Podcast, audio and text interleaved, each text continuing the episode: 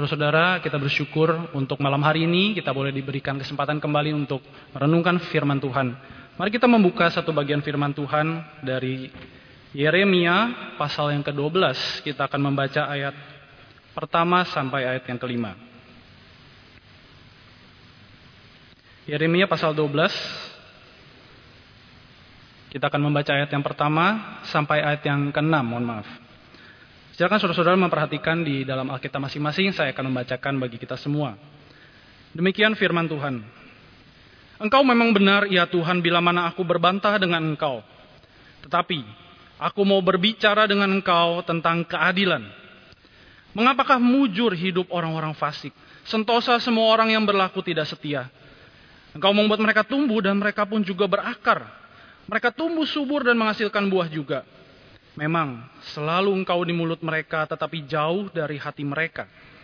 Ya Tuhan, engkau mengenal aku, engkau melihat aku, dan engkau menguji bagaimana hatiku terhadap engkau.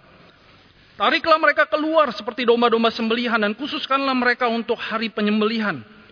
Berapa lama lagi negeri ini menjadi kering dan rumput di segenap padang menjadi layu.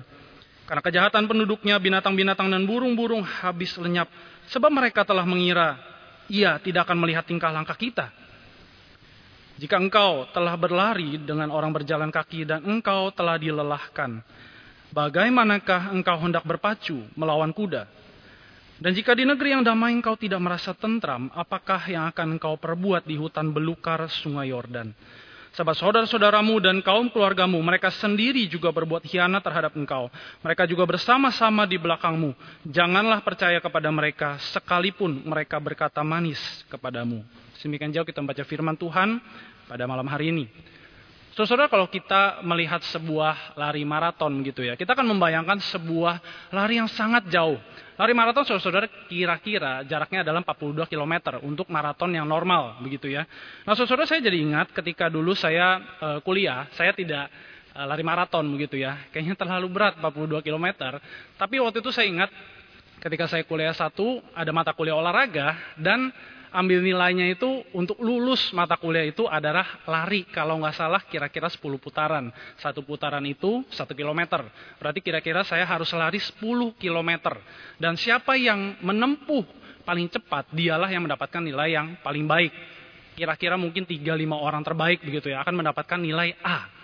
Nah waktu itu saya berpikir, oh kalau gitu, kalau putar-putar 10 kali lapangan itu, saya harus pertama makan yang banyak supaya kuat begitu ya. 10 kali muter satu kali aja kok kayaknya aduh kaki sudah mau agak copot begitu ya.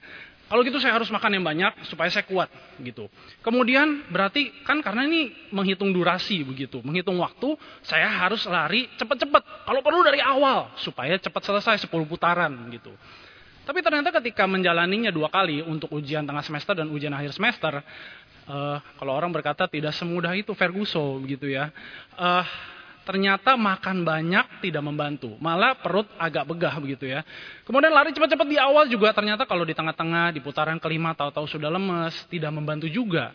Ya puji Tuhan bersyukur waktu akhirnya saya bisa dapat nilai A begitu ya. Karena waktu itu berat badan saya masih jauh dari sekarang. Sekarang sudah lompat galah saudara-saudara ya. Nah, saudara, kalau kita melihat lari seperti itu begitu ya. Tadi saya dulu saya menempuh 10 kilo begitu. Kalau sebuah maraton 42 kilo, biasanya memang kalau berdasarkan beberapa website yang saya coba baca begitu ya, sebuah lari maraton harus dipersiapkan dengan baik. Baik dalam artian apa? Misalnya kita bisa berlatih secara bertahap, secara berkala. Tidak hanya fisik, tapi juga mental. Kemudian kita juga jangan lupa untuk mempersiapkan diri setelah berlatih atau setelah berlomba. Ada post run stretching, ada ice bathing begitu ya. Dan makan makanan yang tepat untuk membantu recovery kita. Kemudian kita juga harus merencanakan goal setiap kali kita berlatih, setiap kali kita berlomba begitu ya. Membangun, melatih mental kita dari latihan-latihan ada yang ada, trial-trial yang ada, termasuk mempelajari perlombaan-perlombaan yang sudah berlalu. Kemudian jangan lupa juga, ternyata ini penting saudara ya di dalam maraton. Kaos kaki dan juga jenis sepatu yang dipakai. Nggak mungkin kalau kita mau lari maraton terus pakai sepatu basket begitu ya. Akan sangat berat saudara-saudara. Dan kemudian juga makan makanan yang tepat sebelum perlombaan dimulai. Nah itu tadi yang saya salah mengerti begitu ya ketika saya ambil nilai olahraga waktu itu. Dan last but not least ya terakhir, ingat bahwa ini maraton.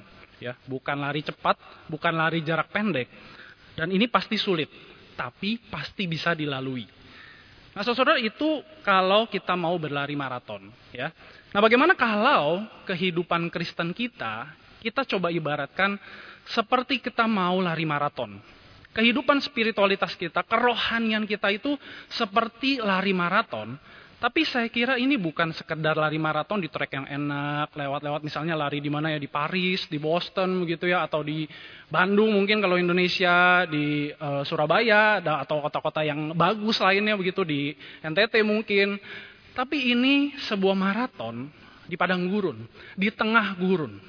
Nah, saudara, bagaimana kalau hidup kita ibarat lari maraton di tengah padang gurun dan bagaimana kita menjalaninya? Nah, saudara, mari kita mencoba belajar dari apa yang terjadi kepada Nabi Yeremia. Nah, saudara, kalau kita coba melihat ke belakang ya dari pasal 1, apa yang terjadi di awal kehidupan Yeremia begitu. Maka kita akan melihat bahwa panggilan Tuhan itu kepada Yeremia untuk mengawali perjalanan hidupnya, perjalanan panggilannya sebagai nabi itu kok rasanya berat. Yeremia sampai takut dan dia beralasan, seperti beralasan, Tuhan jangan aku tidak pandai bicara, aku masih sangat muda. Tapi Tuhan meyakinkan dia. Dan Tuhan meminta dia di dalam pasal 1 ayat yang ke-17 untuk bersiap. Get yourself ready.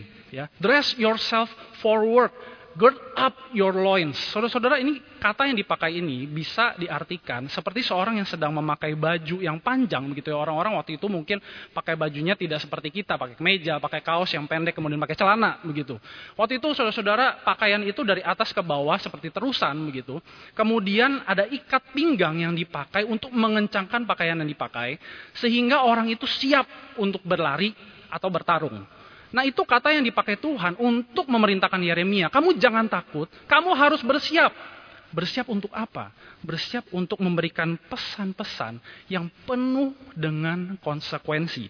Sebuah panggilan yang penuh dengan konsekuensi. Ketika, ketika Tuhan bilang bahwa Yeremia itu dipanggil untuk seperti bermaraton. Dia memiliki panggilan untuk meruntuhkan, untuk membangun dan menanam, untuk merobohkan dan mencabut, untuk membinasakan dan meruntuhkan. Saya kalau bayangkan saya jadi Yeremia dan mungkin saya dipanggil di let's say usia 18 tahun, 19 tahun begitu ya. Saya juga akan ngeri saudara kalau dengar panggilan seperti ini. Tapi ternyata ini bukan hanya penuh dengan konsekuensi, dikatakan juga Yeremia akan mengalami peperangan, perlawanan begitu ya.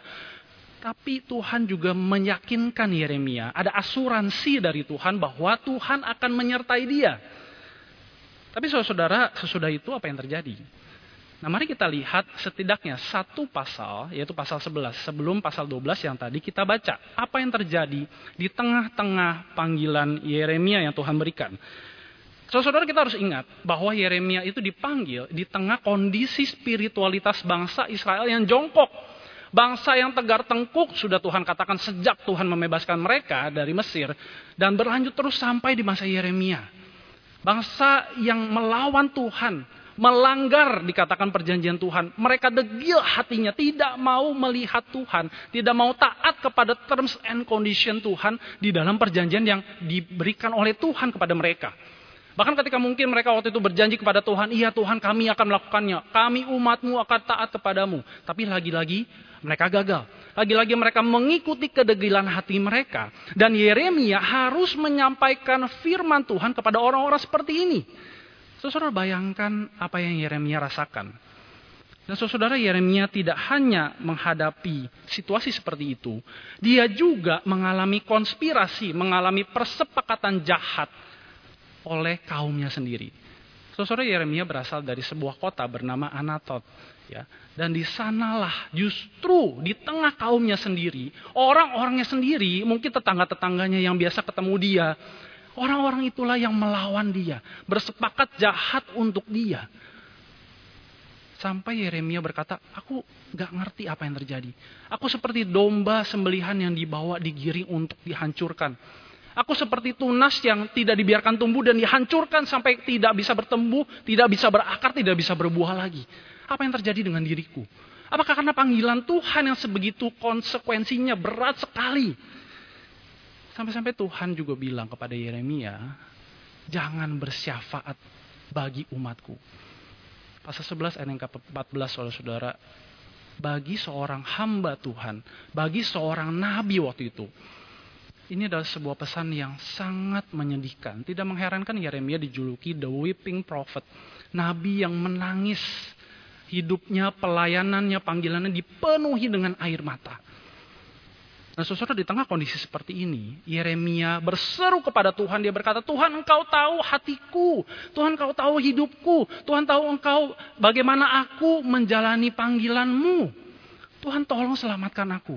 Dan Tuhan nyatakan keadilanmu. Dan Tuhan menjawab saudara-saudara, bukan Tuhan membiarkan. Pasal 11 di ayat-ayat yang terakhir, kita bisa melihat bagaimana Tuhan menjawab Yeremia. Tapi apakah itu cukup? Saudara, mari sekarang saya mengajak kita melihat kehidupan kita. Ketika kita mungkin mengalami kondisi buruk, situasi yang buruk, mungkin konteks hidup saat ini, pandemi begitu ya, sudah cukup untuk menggambarkan situasi buruk, kehidupan yang buruk dalam hidup kita. Mungkin begitu.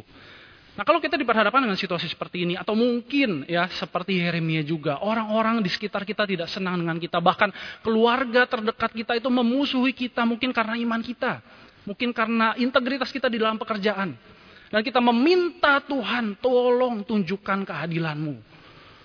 Dan Tuhan menjawab kita. Apakah kalau kita dalam situasi seperti ini, kita berkata, cukup deh. Cukup jawaban Tuhan. Sudah, aku tidak akan meneruskan lagi. Tapi saudara-saudara sayangnya, beberapa penafsir ketika melihat bagian ini, mereka melihat bahwa kehidupan orang-orang Kristen mirip dengan Yeremia tidak puas hanya ketika Tuhan bilang, iya aku akan menyatakan keadilan bagimu. Aku, aku akan menghukum semua orang-orang yang berniat jahat ini. Karena mereka tidak hanya berniat jahat terhadap engkau, tapi terhadapku juga, kata Tuhan. Tapi sering kali kita berkata, nggak cukup. Tuhan kalau perlu sekarang juga, hancurkan mereka. Dan itu yang Yeremia katakan di, di awal pasal 12, saudara-saudara. Ketika dia bilang, Tuhan, engkau kalau memperkatakan kebenaran, saya nggak ragu. Tapi coba Tuhan tuh berdiri di posisi saya. Saya yang melihat kenapa kalau Tuhan adil, ternyata kehidupan orang-orang jahat ini masih baik-baik saja. Kenapa Tuhan nggak langsung menghukum mereka? Yeremia seperti membandingkan kehidupannya yang dihianati oleh kaumnya sendiri, yang bagaikan domba disembeli. Lalu dia berkata, Tuhan tariklah orang-orang jahat ini langsung dihukum seperti aku diperlakukan. Kenapa kok kayaknya harus nunggu? Berapa lama lagi? Yeremia katakan, penduduk-penduduk ini berniat jahat. Kota-kota ini jadi kering karena kejahatan orang-orang di dalamnya. Dan mungkinkah kita juga pernah berkata seperti demikian, saudara-saudara? Di dalam kesulitan hidup kita, di dalam pergumulan kita, di tengah situasi ketika kita merasa hidup ini tidak adil, kita tidak hanya meminta Tuhan menyatakan keadilannya, tapi langsung mengeksekusinya saat itu juga. Sebuah teriakan permintaan yang egois, atau mungkin kelihatan egois.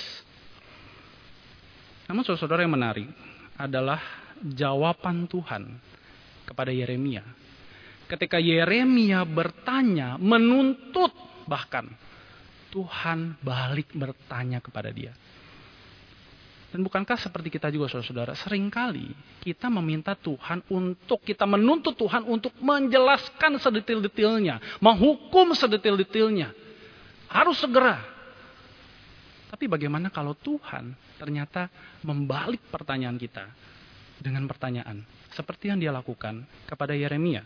Saya akan membacakan sekali lagi jawaban Tuhan kepada Yeremia. Yeremia pasal 12 ayat yang kelima khususnya. Jika engkau, Yeremia, telah berlari dengan orang berjalan kaki, atau telah berlomba dengan orang yang berjalan kaki, dan engkau menjadi lelah, engkau telah dilelahkan. Bagaimanakah engkau bisa berlomba, berpacu melawan kuda? Saudara, Tuhan seperti sedang memberitahukan Yeremia bahwa ini buruk, tetapi bukan yang terburuk. Ini baru kaum keluargamu di kota Anatot kamu belum mengalami satu kota Yerusalem, umatku itu. Kamu belum mengalami nanti bagaimana menemani mereka di Babel. Kamu belum mengalami bagaimana ketika kamu dibuang ke Mesir. Gak ada apa-apanya semua ini. apa yang terjadi di Anatot tidak ada apa-apanya dengan apa yang akan terjadi di depan. Dan itulah kenapa aku memanggil kamu. Ingat panggilan Yeremia saudara. Bersiaplah. Bersiaplah untuk bahkan yang terburuk di dalam panggilan dia. Dan apakah mungkin kita juga harus bersiap dengan yang terburuk di dalam panggilan Tuhan bagi hidup kita? Sekarang Tuhan mengingatkan, ingat loh dulu. Aku mempersiapkan kamu untuk maraton. Aku bukan mempersiapkan kamu untuk lari cepat, lari jarak pendek, bukan. Apalagi jalan kaki santai-santai. Sampai Tuhan seakan-akan meledek Yeremia. Kalau kamu tuh berlari dengan orang yang berjalan kaki, kamu capek. Bagaimana mungkin kamu bisa melawan kuda? Berpacu, berlomba dengan kuda. Kalau begini saja kamu lelah, kamu mau menangis, bagaimana dengan ancaman-ancaman tekanan yang akan kamu hadapi di Yerusalem, di Babel, di Mesir nanti? Dan kalau kita baca pasal 12 saudara-saudara, di ayat-ayat seterusnya, Yeremia seperti tidak ada kesempatan untuk menjawab pertanyaan Tuhan ini. Tapi saudara hal yang menarik, sebagaimana seorang penafsir berkata, bahwa pertanyaan dari Tuhan tidak pernah ribet. God's answer, jawaban Tuhan, sekalipun dalam bentuk pertanyaan, tidak pernah filosofikal. Seakan-akan dia itu bertanya supaya kita bisa menjelaskan balik sedetil-detilnya seperti kita meminta dia menjelaskan kepada kita sedetil-detilnya menghukum sesegera mungkin sedetil-detilnya begitu. Tapi jawaban Tuhan sekalipun dalam bentuk pertanyaan selalu bersifat pastoral untuk membimbing kita kembali mengarahkan kita kembali, meyakinkan kita kembali akan panggilan Dia, visi Dia yang jauh lebih besar daripada penderitaan yang kita alami sekarang. Daripada ketidakadilan, ancaman, tekanan yang kita alami sekarang. Dan saudara kalau saya bisa simpulkan, jawaban Tuhan, ya, kalau saya bisa, kalau saya mengadopsi apa yang dikatakan Derek Kittner tadi, ya, jawaban Tuhan di dalam pergumulan kita sekalipun bentuknya pertanyaan, tidak pernah untuk mencelakai kita, tidak pernah untuk seakan mengancam kita, tapi untuk menggembalakan kita, untuk mengkalibrasi kembali hati kita, untuk kembali melihat Dia, untuk menjungkir balikan pemikiran, cara pandang kita terhadap apa yang terjadi, bahkan hal-hal terburuk sekalipun di dalam hidup kita, dan untuk mengarahkan kembali kehendak kita, track lari kita, trek maraton kita, trek perjalanan kerohanian kita kepada kehendak Tuhan, kepada visi Tuhan yang jauh lebih besar. Dia mau kita bertumbuh, saudara-saudara, bukan diam. Nah, saudara-saudara, mari kita melihat kehidupan kita saat ini. Dan kalau saya mencoba meminjam kembali seorang perkataan seorang penulis ya bernama William Faulkner dia berkata hidup bukan tentang membuat monumen, tetapi tentang membuat jejak-jejak kaki, footprints. Karena dia katakan monumen itu cuma berkata, ya sampai di sinilah saya bisa. Sedangkan jejak-jejak kaki, footprints, akan berkata, di sinilah saya. Ketika saya bergerak kembali. Nah, saudara kehidupan kerohanian kita seperti apa? Kalau kita mengandaikan, mengibaratkan hidup kerohanian kita seperti berlari maraton, apakah kita saat ini sedang diam? Apakah ketika situasi buruk mengancam kita, kita diam? Dan kita hanya bilang, Tuhan nyatakan keadilanmu, Tuhan tolong saya segera mungkin. Supaya langsung penderitaan saya nihil. Ketidakadilan itu nihil. Seperti apa kehidupan kerohanian kita sekarang? Ataukah sekarang kita tetap menjalani maraton itu, tapi kita sedang kelelahan dan mulai pegang-pegang kaki gitu ya. Sudah tidak bisa lagi memiliki endurance, ketahanan, ketangguhan seperti 1, 2, 10 km yang di belakang. Dan kita mulai bertanya, Tuhan berapa lama lagi? Berapa kilometer lagi? Berapa tahun lagi? Aku harus menunggu semua ancaman ini dijauhkan, diangkat daripadaku. Semua ketidakadilan, semua penderitaan, semua hal-hal buruk ini tidak lagi mengancam hidupku. Atau mungkin kita yang menjadi hamba Tuhan, rohaniwan. Kita terlena dengan apa yang menjadi prestasi kesuksesan kita di masa lalu dan ketika hal buruk mengancam pelayanan kita. Ketika mungkin kita sakit, kita nggak bisa pelayanan. Ketika mungkin kita mengalami krisis finansial karena pandemi ini. Ketika mungkin keluarga kita berantakan karena kita lebih sibuk dengan pelayanan, terlalu sibuk dengan pelayanan. Dan kita mulai berkata, ah, capek Tuhan. Sampai kilometer 12 aja deh. 42 jauh. 42 km itu jauh. Apalagi kalau saya mau lari ultramarathon, jauh sekali Tuhan. Gak bisa. Nah mari saudara-saudara lihat. Apakah spiritualitas, kerohanian seperti itu yang Tuhan mau. Kalau Tuhan mau kita bertumbuh, kalau Tuhan mau kita bergerak, apakah cara lari, cara berlomba, cara hidup seperti ini hanya puas dengan ya sudahlah, di sini saja. Ya sudahlah, aku yang penting ke gereja tiap minggu, aku tidak perlu lebih rindu lagi sama Tuhan. Yang penting aku bertobat di awal dan mungkin nanti di akhir hidupku. Tengah-tengahnya bagaimana? Ya, ya sudahlah ya. Atau saudara, kalau saya mencoba meminjam perkataan William Faulkner ini dan mencoba menginterpretasinya untuk maraton kehidupan kita di tengah padang gurun dunia ini. Maukah kita berkata demikian? Hidupku, hidup kekristenanku bukan tentang membuat monumen. Apalagi bikin mall, bikin concert stage, panggung konser. Aku mau hidupku terus bergerak sekalipun di tengah padang gurun. Aku mau aku tetap berlari menjalani maraton ini sekalipun aku lelah. Karena saudara, kalau kita hanya sibuk membuat monumen, kita hanya akan berkata, Ah, sampai di sini saja, sudah bagus kan, gitu ya. Atau kalau kita mengibaratkan hidup kita seperti mall, kita hanya akan puas dan berkata, ah silakan lihat kehidupanku. Kamu mau melihat apa? Kamu mau membeli apa? Mencontoh apa? Meneladani apa? Nah ini ada semua. Padahal ternyata kita baru lari 5 km. Atau kalau seperti panggung konser, kita bisa dengan bangga berkata, Wah terima kasih ya sudah menyanyi bersamaku, sudah melayani bersamaku, sudah berjalan bersama-sama denganku sejauh ini. Ini panggung kita. Next time datang lagi ya. Jangan lupa download fan app dan juga menjadi fanbase di dalam konserku, di dalam bandku. Ataukah kita mau terus bergerak? Kerohanian kita adalah sebuah movement, bahkan di tengah padang gurun. Sehingga ketika kita terus bergerak di tengah kelelahan sekalipun, kita bisa melihat jejak-jejak kaki, tidak hanya jejak kaki kita, tapi jejak kaki Tuhan. Sekalipun dalam bentuk pertanyaan-pertanyaan pastoral, dia tetap membimbing kita, menemani kita melewati maraton di tengah padang gurun ini. Dan kita bisa berkata, di sinilah ketika aku lelah, aku bisa berjalan lagi. Ketika aku letih, ketika aku rasa sudah tidak ada harapan lagi, aku tetap boleh berjalan, melanjutkan kembali maratonku bersama-sama dengan Tuhan yang ada di sampingku. Saudara hidup kekristenan tidak pernah untuk orang-orang yang suka belanja di mall, shoppers. Tuhan tidak menginginkan kerohanian kita, spiritualitas kita seperti itu. Tuhan juga nggak mau kita jadi turis yang cuman hanya lihat-lihat, wah Tuhan hebat ya, wah ibadah di sini bagus ya, sudah selesai.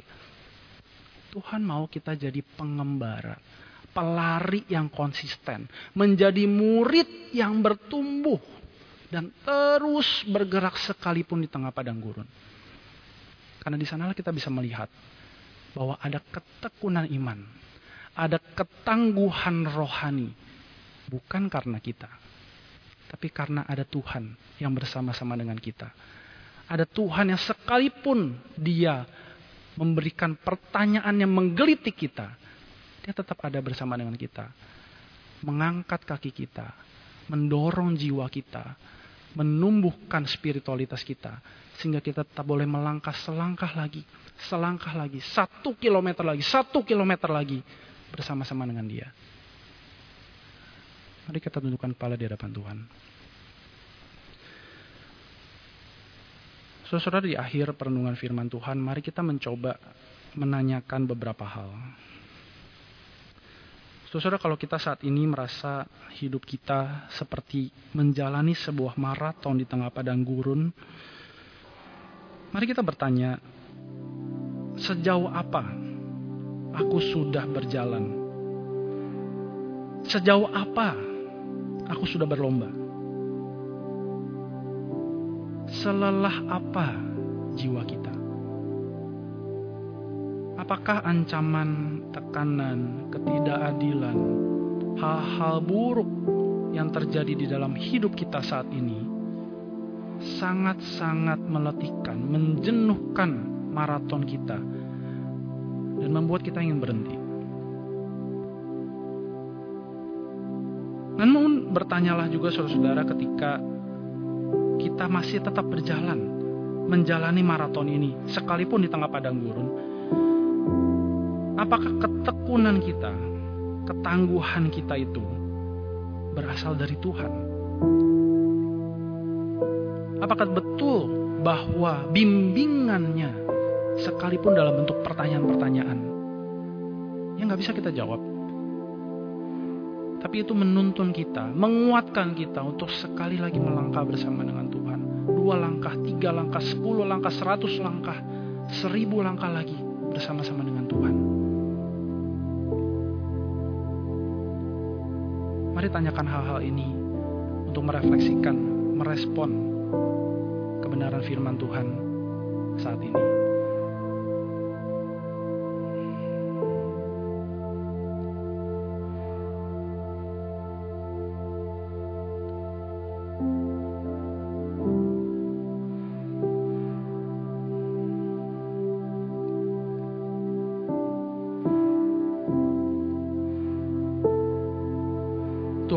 Engkau yang mengetahui, mengenal hati kami.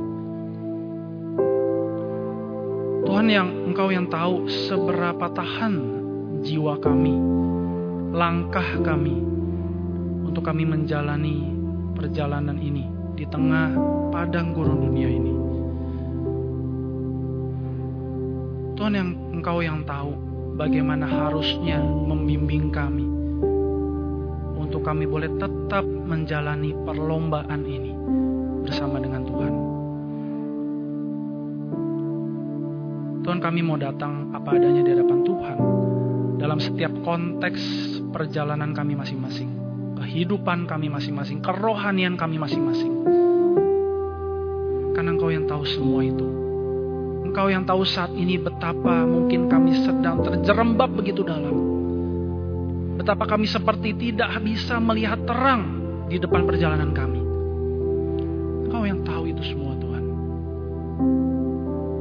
Dan bila kami boleh datang sekali lagi, apa adanya di hadapan Tuhan. Dengan segala kejenuhan, kelelahan, keletihan kami. Dan kami memohon sekali lagi, Tuhan menolong kami. Karena kami tahu tanganmu tidak pernah tidak terulur bagi kami. Kekuatanmu selalu baru setiap pagi menolong kami. Kepadamu ya Tuhan sumber kekuatan kami. Kami memohon kuatkan kami sekali lagi Tuhan. Bimbing kami sekali lagi ya Tuhan. Janganlah lelah menolong kami ya Tuhan. Karena kepadamu lah kami berharap. Inilah doa kami. Inilah seruan kami kepadamu. Di dalam nama Tuhan Yesus, gembala kami yang baik, Tuhan yang selalu menuntun perjalanan kami, kami berdoa. Amin. Kebaktian doa malam hari ini selesai, saudara-saudara silakan saat teduh. Tuhan Yesus memberkati.